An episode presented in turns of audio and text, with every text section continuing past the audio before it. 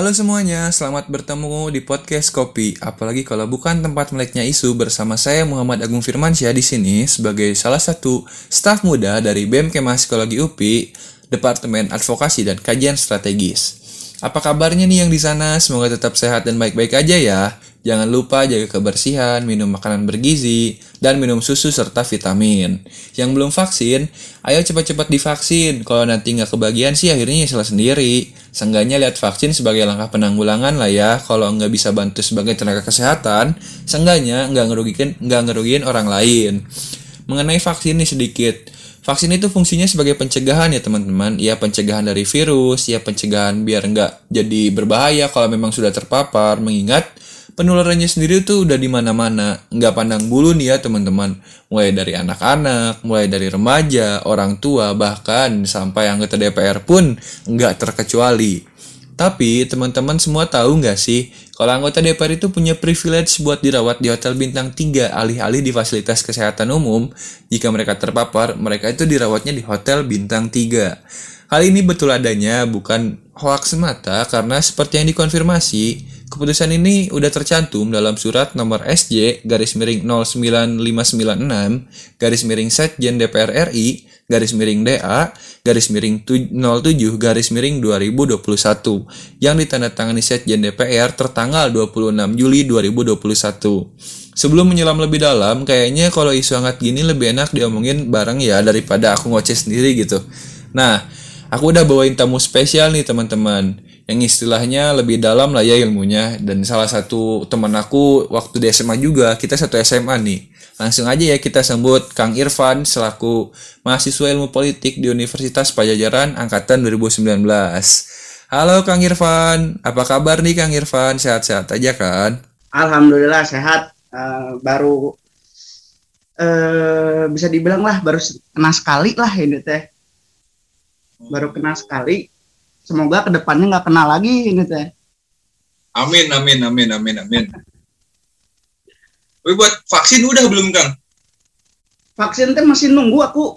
Iya, oh, masih... udah udah daftar tapi belum dapat jatahnya aja gitu. Masih nunggu. Hmm, siap. Udah kalau kalau orang sih udah sempat vaksin bulan Mei kemarin jadi agak tenang sih kalau orang sebenarnya. Yo, Oke nih, pertama-tama boleh mungkin eh, Pan perkenalan dulu ya ke teman-teman pendengar semua. Boleh, boleh, boleh. Ya, uh, untuk teman-teman, seperti yang udah Agung bilang, nama aku Muhammad Irfan Maulana dari Universitas Pajajaran nih. Tapi lebih senangnya dibilang rakyat biasa aja lah. Jangan bawa. Soalnya uh, kalau bagi aku sendiri alma mater ini memang suatu kebanggaan ya dan harus dipertanggungjawabkan gitu. Apalagi untuk mahasiswa gitu. Uh, ya sejauh ini sih kalau misalnya dibilang ya Gung ya uh, hmm? udah pada bosan merenya kalau ngedengar berita covid ini tuh Gung ya asli udah bosan banget. Jadi udah udah setahun setengah kita dengar berita covid mulu dari dari kemarin. Iya benar banget Gung. Aduh. Tapi ini Agung alhamdulillah sehat Agung? Alhamdulillah sehat Pan belum pernah terkena alhamdulillah sampai saat ini. Alhamdulillah oke. Oke okay, eh, kesibukannya nih lagi apa aja nih Van sekarang? Untuk kesibukan sekarang sih palingan uh, jadi kepanitiaan organisasi aja ya. Kayak terakhir itu jadi kepala divisi dari suatu kepanitiaan kayak gitu. Dan sejauh ini sih masih uh, ya sibuk di kepanitiaan organisasi aja masih menggarap gitu si panitiaannya kayak gitu sih. Sedap sedap. Oke okay. uh, mungkin kita masuk aja kali ya langsung ke topiknya nih Van. Uh, awal-awal nih pertama udah pernah dengar belum sih Van? Kalau misalkan sekarang tuh anggota DPR lagi pengen isoman di hotel bintang 3 awal-awal banyak sih gara-gara yang meninggal di nggak dapat jatah di ruang eh nggak dapat ruangan di rumah sakit gitu. Kalau pendengaran Irfan gimana nih? Iya bener banget Gung. Uh, awal mulanya sih dari situ ya Gung ya. Cuman sebelumnya uh, orang pengen ngejelasin dulu nih Gung, boleh nggak Gung? Boleh, boleh, mangga, mangga. Itu yang dipengen malah. Oke, kita tarik ke belakang dulu ya. Sebenarnya pandemi ini udah berjalan kurang lebih satu tahun yang di mana anniversary pertama kita itu di bulan tiga kemarin ya. Kayak nggak kerasa yeah. gitu. Kita baru lulus SMA, udah masuk kuliah lagi kayaknya kayak gitu ya setahun tuh nggak kerasa banget. Iya yeah, nggak kerasa banget. Sebenarnya nih Gung, perencanaan pengadaan fasilitas isoman untuk pejabat publik ini sudah ada sudah ada semenjak tanggal 9 April 2020 Gung.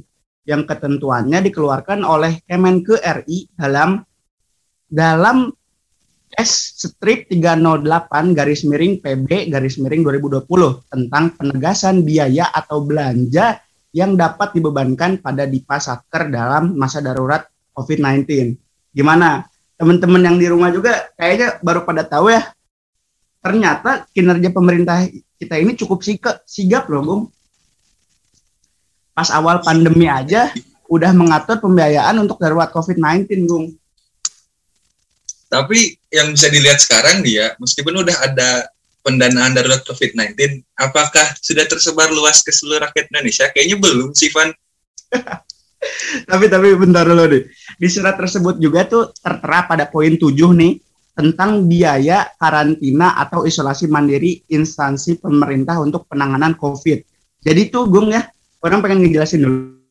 Lu di poin tersebut dijelaskan apabila rumah pegawai yang bersangkutan tidak dapat memadai untuk dijadikan tempat isolasi mandiri, maka satuan kerja dapat menyediakan sarana dan prasarana untuk pelaksanaan isolasi mandiri yang dibebankan pada APBN. Jadi gini, eh, kalau misalnya kita bisa artikan dalam eh dari kata-kata tersebut, kalimat tersebut tuh ya bakalan ada pengadaan isolasi mandiri di luar asalkan ya nggak memadai aja sarana prasarananya kayak gitu. Pokoknya mah kalau kita lihat nih sem, eh, hampir semua pejabat publik atau pegawai publik tuh mempunyai wisma, mes atau asrama. Tapi kalau ketiga asra, eh, sarana dan prasarana yang disediakan itu tidak memadai, maka eh, satker dapat menggunakan penginapan yang sejenisnya. Di situ keterangannya seperti itu ya. Dengan mempertimbangkan efektivitas, efisiensi, dan ketersediaan dana. Ya mungkin kalau pemerintah mau bekerja sama dengan hotel bintang 3, jelas dong bahwa mereka nih mampu untuk mendanai para pejabat negara yang ingin isolasi mandiri, Gung. Kayak gitu, Gung. Hmm. Bener sih, tapi agak gimana gitu kan ya, soalnya tadi orang dengar kan, uh, kalau misalkan si rumah tersebut tidak memadai untuk isoman ya, uh, baru boleh menggunakan fasilitas yang lain. Tapi kan setahu setahu kita ya, yang selihat kita bahwa rumah-rumah dari anggota anggota eksekutif ini tuh lumayan menyanggupi ya sebenarnya ya. suka iya. suka bingung ya gitu sama yang kayak gituan gitu. Iya, eh, yang yang sebenarnya tuh yang harus dipertanyakan tuh sebenarnya eh, tidak memadainya tuh kriterianya seperti apa gitu. Iya, iya benar-benar. Belum dijelaskan atau mungkin ya uh, tidak memadai karena faktor yang lain kayak gitu sih Gung. Hmm. Oke, okay, uh, eh, ini Van sebenarnya uh, gimana sih awal-awal mulanya tuh bisa bisa jadi ada isoman di hotel bintang tiga gini tuh awalnya kayak gimana sih sampai kayak sampai kayak sekarang gitu bisa ya bisa isoman di hotel bintang tiga gitu. Oke, okay. uh, kita tarik ke belakang lagi nih peningkatan kasus COVID di Indonesia ini meledak dan menanjak sejak munculnya varian terbaru pada saat itu ya, uh, Delta ya, varian Delta itu. Sekitaran April 2021 tercatat ada sebanyak 132 warga negara asing asal India yang masuk ke Bandara Soekarno-Hatta. Apesnya kita ini beberapa beberapa dari mereka terkonfirmasi positif COVID-19. Padahal di India sendiri varian tersebut itu udah ada gitu. Sebelum sebelum mungkin sebelum mereka udah masuk ke Indonesia ya. Tapi nggak tahu sih kenapa masih bisa masuk ke Indonesia. Jadi aja meningkat dan kasihan kasihannya itu mayoritas warga Indonesia harus kembali digentayangi oleh pandemi yang nggak tahu kapan beresnya sih Gung. Nah selanjutnya ini mungkin menjadi salah satu pemantik kebijakan isoman bintang 3 ini, Gung. Jadi di awal Juli 2021 ada politisi dari PAN yang bernama almarhum John CV Mirin yang meninggal karena COVID-19. Setelah itu kawannya yang merupakan politisi PAN juga bernama Roselyn Ir Iren Rumaseu tepat pada tanggal 7 Juli 2021 mengusulkan kepada pemerintah agar mengistimewakan pejabat publik atas pelayanan kesehatannya dengan alasan pejabat publik harus memikirkan negara dan rakyatnya. Ya, jadi aja ada kebijakan ini yang sayangnya malah menjadi polemik di kalangan masyarakat Indonesia yang di mana cukup dominan merasakan dampak dari pandemi yang berlangsung hingga saat ini, Gung. Kayak gitu, Gung. Hmm. Bener soalnya kayak eh, bi eh, bingung sih ya kayak yang susahnya kita, yang enaknya kok mereka selalu kayak gitu. Kadang ya hukum itu tuncing ke bawah tumpul ke atas ya kayaknya kebijakan tuh semua rata-rata. Oke, okay. uh, eh, ngomongin soal kebijakan nih, memang ya uh, kalau menurut orang pribadi, ya ini opini orang ya, ini salah satu kebijakan yang di mana uh, bisa dibilang tiga minggu kemudian langsung dibikin kebijakannya dari usul uh, Mbak Roselin ini, yang yang bisa dibilang itu mungkin ya. Dan di sini kalau ngomongin soal kebijakan, uh, kita lihat nih kebijakan publik menurut David Easton itu eh, gambarnya tuh ada garis panah dari kiri ke kanan, terus di tengahnya ada kotak dan ada garis kanan eh dari dari setelah kotak itu ada garis lagi ke kanan. Nah, di situ yang di sebelah itu kebijakan publik itu merupakan dari berasal dari uh, support dan juga tuntutan, tuntutan rakyat. Masuk ke kotak tersebut, Nah, itu merupakan black box. Itu proses pembuatan kebijakan publik. Kita nggak tahu nih eh, apa sih sebenarnya kebijakan publik ini ditujukannya. Apakah hanya untuk isoman DPR atau eh, untuk membantu perekonomian Indonesia atau lain sebagainya. Keluar nih, jadi kebijakan. Nah, muncullah kebijakan isoman di hotel bintang 3 kayak gitu. Tapi di situ ya Gung ya, uh, tetap aja dari input inputnya kan ada tuntutan dan dukungan outputnya kebijakan nah output tersebut masih bisa dievaluasi sih Gung karena sejauh ini uh, kelihatannya belum dilakukan juga sih Gung hmm, seperti itu sih ya berarti Van ya iya uh, mungkin kita beralih ke pertanyaan selanjutnya nih Van ya hmm. seperti yang kita dengar nih bahwa anggota DPR itu ada beberapa yang tidak WFH hal tersebut uh, berbanding dengan berbanding terbalik dengan apa yang disampaikan oleh oleh presiden ya di mana kita harus full WFH kan ya. Terus yeah. uh, uh, yang mau uh, ini apakah DPR tersebut memiliki tanggung jawab yang berat gitu sampai si anggota DPR tersebut nggak WFH gitu kan? Soalnya kan presiden sendiri nih loh yang ngomong harus WFH gitu. Oke, okay. uh, kalau misalnya kita lihat dulu nih ya, eh, pekerjaan seorang DPR itu sudah ditulis di Undang-Undang Dasar nih, Undang-Undang Dasar yang di mana DPR itu memiliki fungsi yang mencakup legislasi, anggaran dan pengawasan. Selebihnya yang yang namanya wakil rakyat pasti tempat pasti menjadi tempat penampungan aspirasi rakyat ya Gung ya. Nah, mungkin itu bisa menjadi alasan mengapa DPR harus diistimewakan karena mobilitas mereka yang cukup tinggi gitu bikin dan uh, bikin dan mengesahkan undang-undang, menampung aspirasi rakyat dari belahan penjuru Indonesia. Dan juga ya mungkin aja mereka sering mengadakan rapat yang urgensinya cukup tinggi, jadi harus berkumpul di satu ruangan, Gung. Kayak gitu sih, Gung. Hmm. Oh, berarti emang ada beberapa kewajiban yang emang harusnya nggak WFH ya berarti. Benar oh, juga, benar juga. Oke, nih saya aja. Sebenarnya. Oke, selanjutnya nih. Gimana, gimana, ya. gimana, gimana? sebenarnya nih yang mungkin menjadi pertanyaan untuk halayak nih karena ada juga DPR yang WFH ya. Tapi kan sebenarnya masih ada nih staf ahli DPR yang mungkin bekerjanya di lapangan. Benar kan? Malah bisa benar, benar. Malah bisa jadi mereka lebih tinggi kemungkinannya terpapar oleh COVID-19. Betul. DPR itu apa ya namanya? E, mobilitasnya cukup tinggi, Gung. Kayak gitu, Gung. Hmm hmm, pantes, pantes, pantes, pantes. Oh, oh, jadi kayak gitu ya. Hmm. Yo, iya. Menarik, menarik, menarik, menarik, menarik, Van. Eh, uh, selanjutnya nih, Van. Uh, boleh, boleh.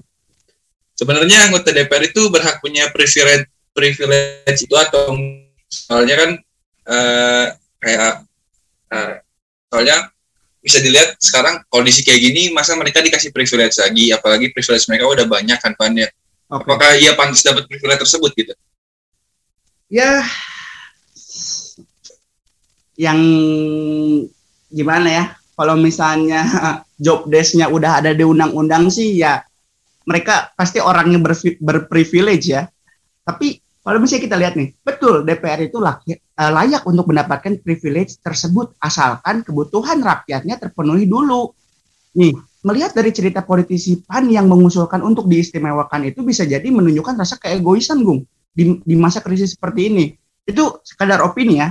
Tapi uh, kita masih bisa melihat dan mungkin nih teman-teman juga ada yang pernah terpapar ya merasakan bagaimana sulitnya mencari kamar di rumah sakit rujukan dan menurut saya pribadi ini tidak semua orang bisa isolasi mandiri gung di rumah karena biayanya pun bisa terbilang tinggi dengan membeli obat-obatannya, makanannya, dan yang paling ironisnya harga antigen atau PCR yang cukup tinggi. Tapi ya untungnya nih pemerintah sekarang kan membatasi harganya di kisaran 450 hingga 550 ribu. Tapi sih harga segitu juga buat saya pribadi masih mikir-mikir juga sih. benar, benar, benar. Kalau kalau menurut orang nih apa ya eh, melihat kondisi yang sekarang nih anggota DPR dapat privilege kayak gitu, kayaknya harusnya jangan sih Van ya, soalnya udah dilihat juga di mana-mana masyarakat sekarang lagi susah, lagi terkena dampaknya. Bahkan ada yang susah dapat seperti yang dibilang tadi sama Mbak Devan, ada yang susah dapat uh, kamar di rumah sakit gitu. Kalau ya, kata ya. orang pribadi sih lebih baik ya uh, anggota DPR ini isoman di rumahnya sendiri aja gitu, nggak usah sampai isoman di hotel bintang tiga kalau misalkan maupun yang kayak gitu benar-benar orang yang nggak mampu gitu kalau menurut orang pribadi sih Van kayak gitu. Okay. Bener banget sebenarnya orang pengen ngebahas itu dulu, cuman agak di pertengahan aja kali ya, biar rame gitu ngobrolnya. Siap, siap. ini nih, ada yang ada yang gak kalah rame sih, Ban. Ini ada pertanyaan nih. Uh, kan gini nih, dana buat isoman di hotel ini tuh katanya diambil dari dana transportasi dan dana kunjungan luar negeri ya, dana dana kunjungan luar negeri. Nah, apa enggak sebaiknya anggaran tersebut disetujui disetujui dan dialihkan ke ke buat yang lain kayak misalkan buat buat bansos, buat bantuinnya buat tenaga kesehatan, bantuin yang sekarang lagi terdampak Covid gitu, Van. Oke. Oke, oke, oke. Soal anggaran ya. Tapi sebelum kita masuk ke anggaran nih ya, kalau semisalnya uh, jadi untuk isoman di hotel bintang 3 ini kita bolehlah kita matematika sedikit kali ya untuk menentukan anggarannya kira-kira berapa sih untuk isoman bintang tiga ini boleh nggak sih? Boleh, boleh, boleh, boleh, boleh, boleh. Okay. Gimana tuh, Van? Jadi sebelumnya kita lihat dulu nih berapa jumlah anggota DPR RI eh, DPR RI ya yang terutama itu kan sebanyak 575 anggota. Belum staf ahlinya.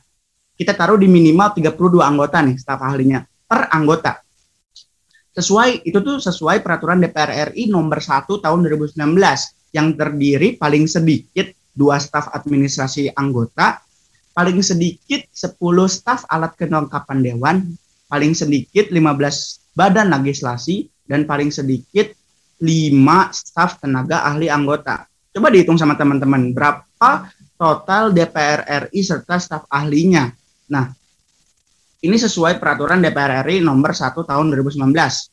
Pasal 4 ayat 2. Boleh teman-teman di rumah e, mau ngecek paling sedikit sih ya kalau dihitung-hitung stafnya tuh ada 18.400 orang gitu.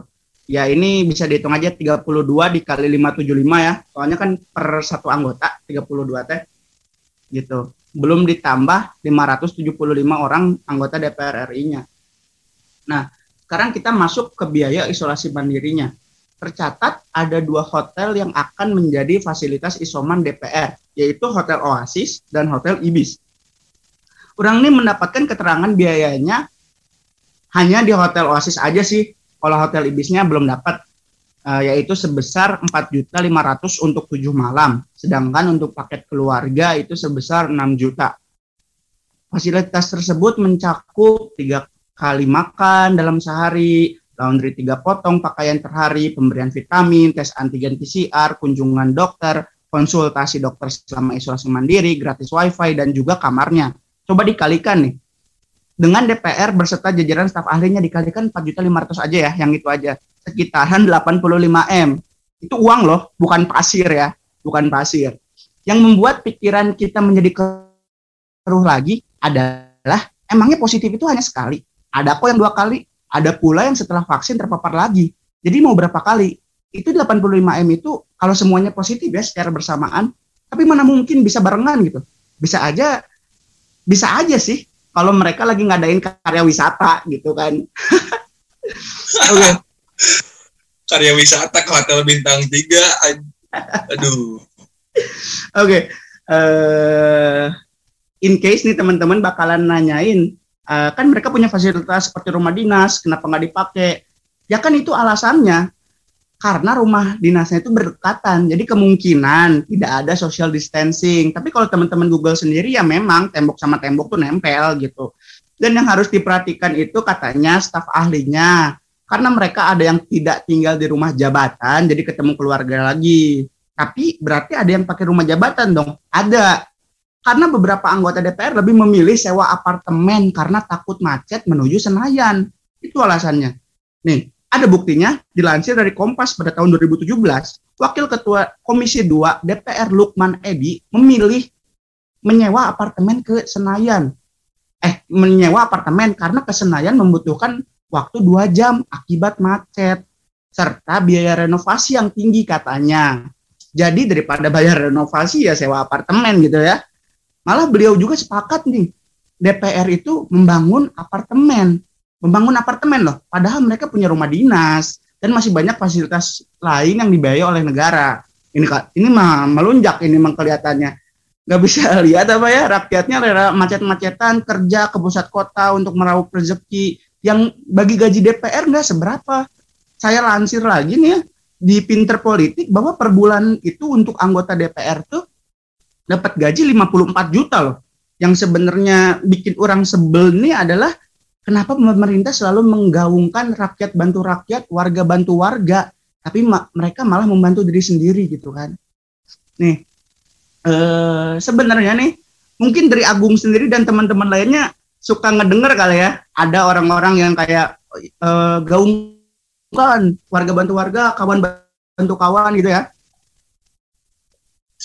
suka suka dengar sih Pan suka ada kayak uh, eh, sekelibat sekelibat itu Pak. tapi dengar dari apa yang dijelasin sama Pane tadi sih kayaknya mereka benar-benar mewakilkan ya mewakilkan keinginan rakyat tapi melalui diri mereka sendiri keinginan seperti itu sih Pan. Nih sebenarnya nih bukti nyata dari warga bantu warga adalah banyak ya kayak relawan yang tersentuh hatinya untuk membuat donasi atau menyumbangkan sebagian hartanya untuk membantu seperti memberi makanan gratis, masker dan hand sanitizer atau teman-teman solidaritas kita yang menyediakan pasar gratis untuk teman-teman yang di jalan yang keadaannya kurang mampu malah bisa dibilang gak punya aset tetap gitu. Apakah itu kurang? Ya jelas kurang namanya juga aksi solidaritas itu kan kebanyakan biayanya dari biaya pribadi anggotanya yang apabila dilakukan terus-terusan ya malah mereka yang menjadi yang membutuhkan asalnya pengen ngebantu malah mereka yang harus dibantu nah peran pemerintah pun di sini juga tidak luput dalam membantu rakyatnya Gung dengan menyalurkan bansos ke seluruh Indonesia walaupun agak sedikit offset ya tapi di sini topik kita bukan bahas itu ya, bukan bahas. Bukan, bukan bahas itu. Pada kali ini bukan bahas itu. Nanti lah itu next yang bawa-bawa dulu yang tapi yang gitu. Oke, okay. uh, eh, tadi kata Agung, apakah saya uh, ya saya setuju anggarannya dialihkan ke sektor kesehatan atau bansos?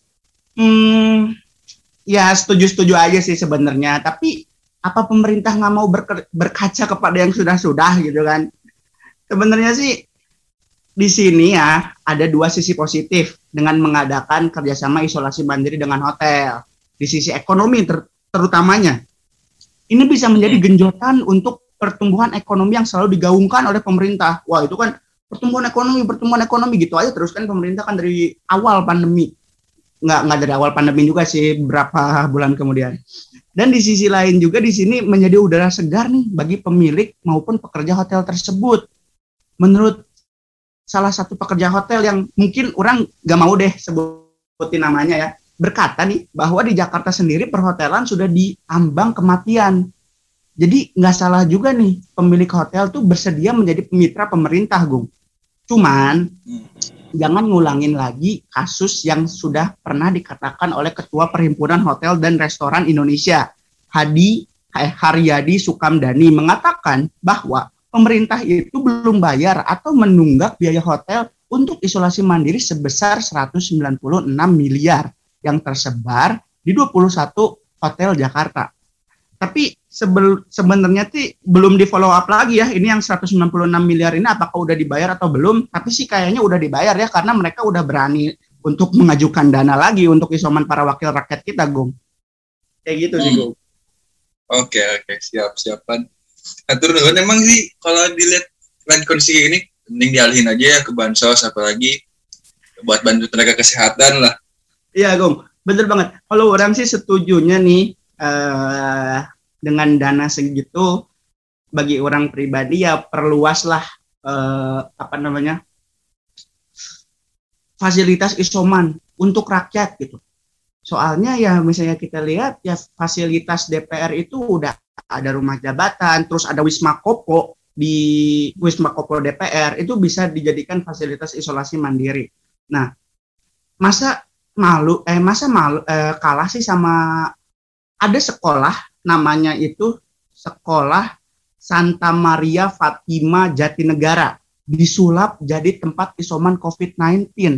Apa apa pemerintah nggak malu apa? Ini sekolah loh, sekolah yang di mana anak-anaknya pada sekolah online ternyata sekolahnya jadi tempat isoman kan betapa mulianya rakyat Indonesia ini, betapa pekanya. Tapi kenapa DPR dan wakil eh maksudnya wakil rakyat kita sendiri malah istilahnya pragmatis banget gitu. Mereka tuh mementingkan diri sendiri bahwa membangun bangsa ini tuh e, karena kita.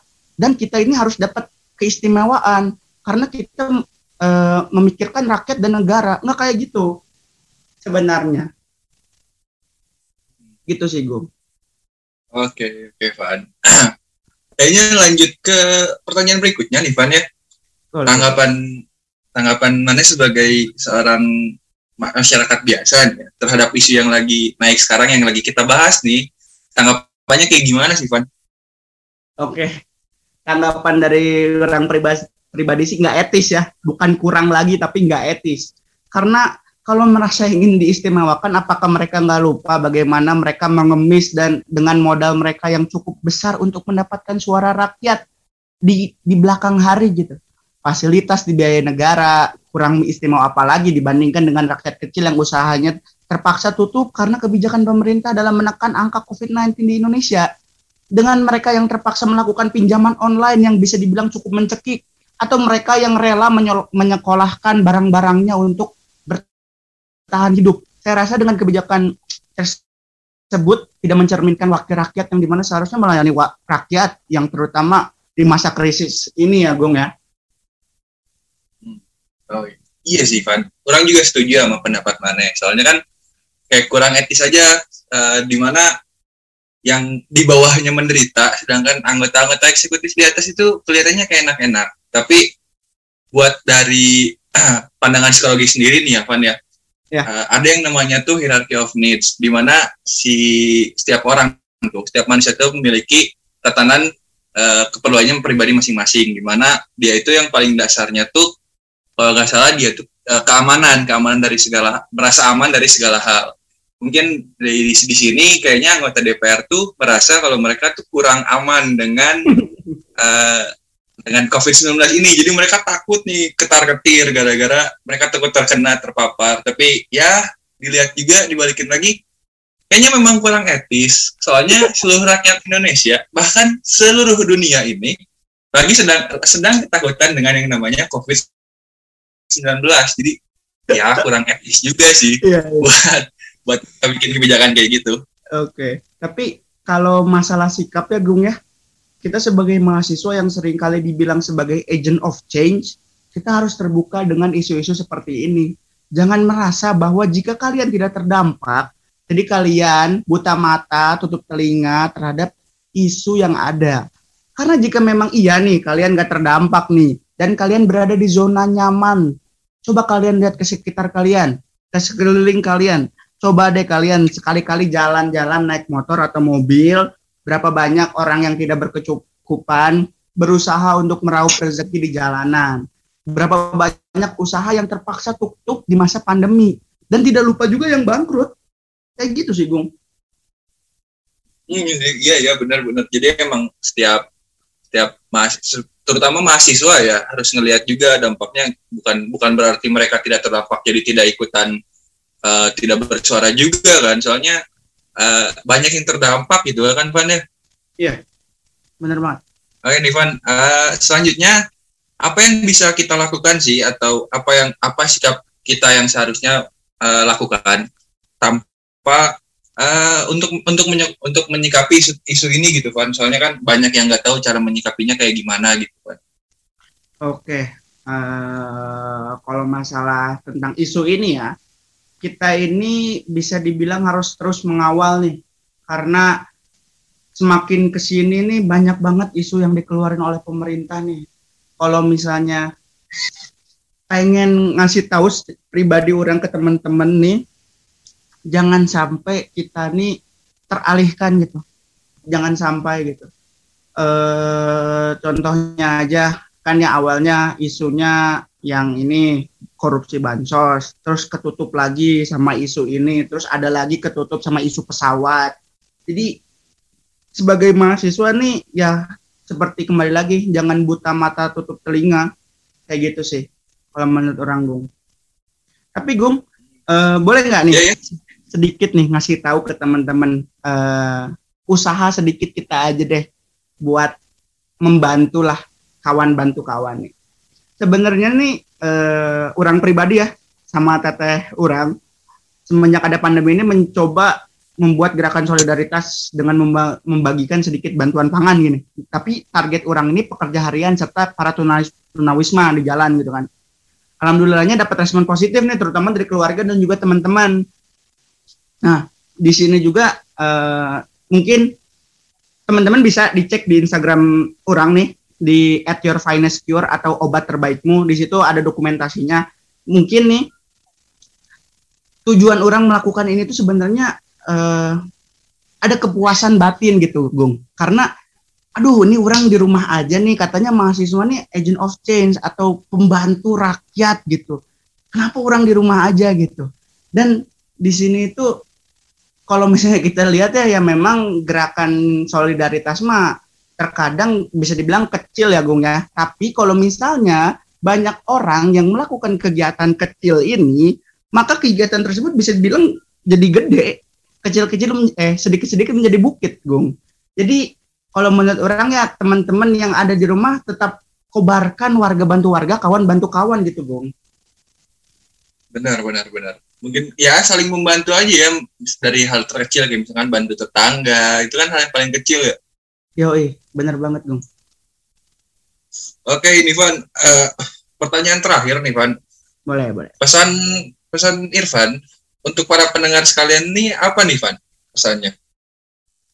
Ya uh, kalau orang pribadi ya pesannya itu kita sebagai makhluk sosial nih kan kita nggak bisa hidup secara individualis ya. Pada dasarnya kita, kita ini makhluk sosial gitu. Dan ingat Indonesia ini dibangun dengan gotong royong.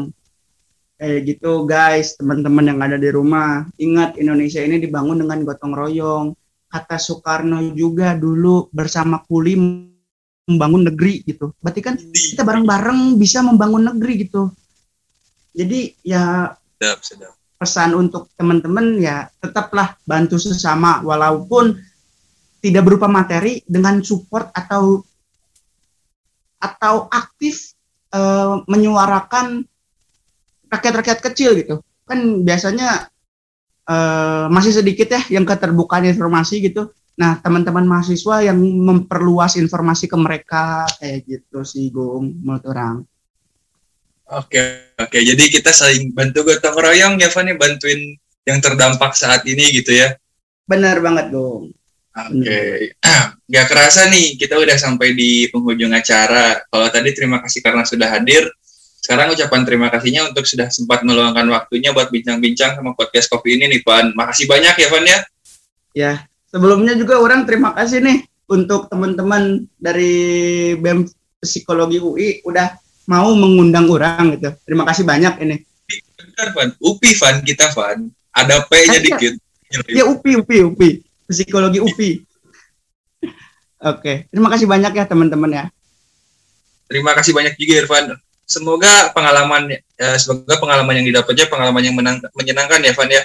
Karena kami juga senang kedapatan kesempatan untuk berbincang-bincang sama Irfan nih.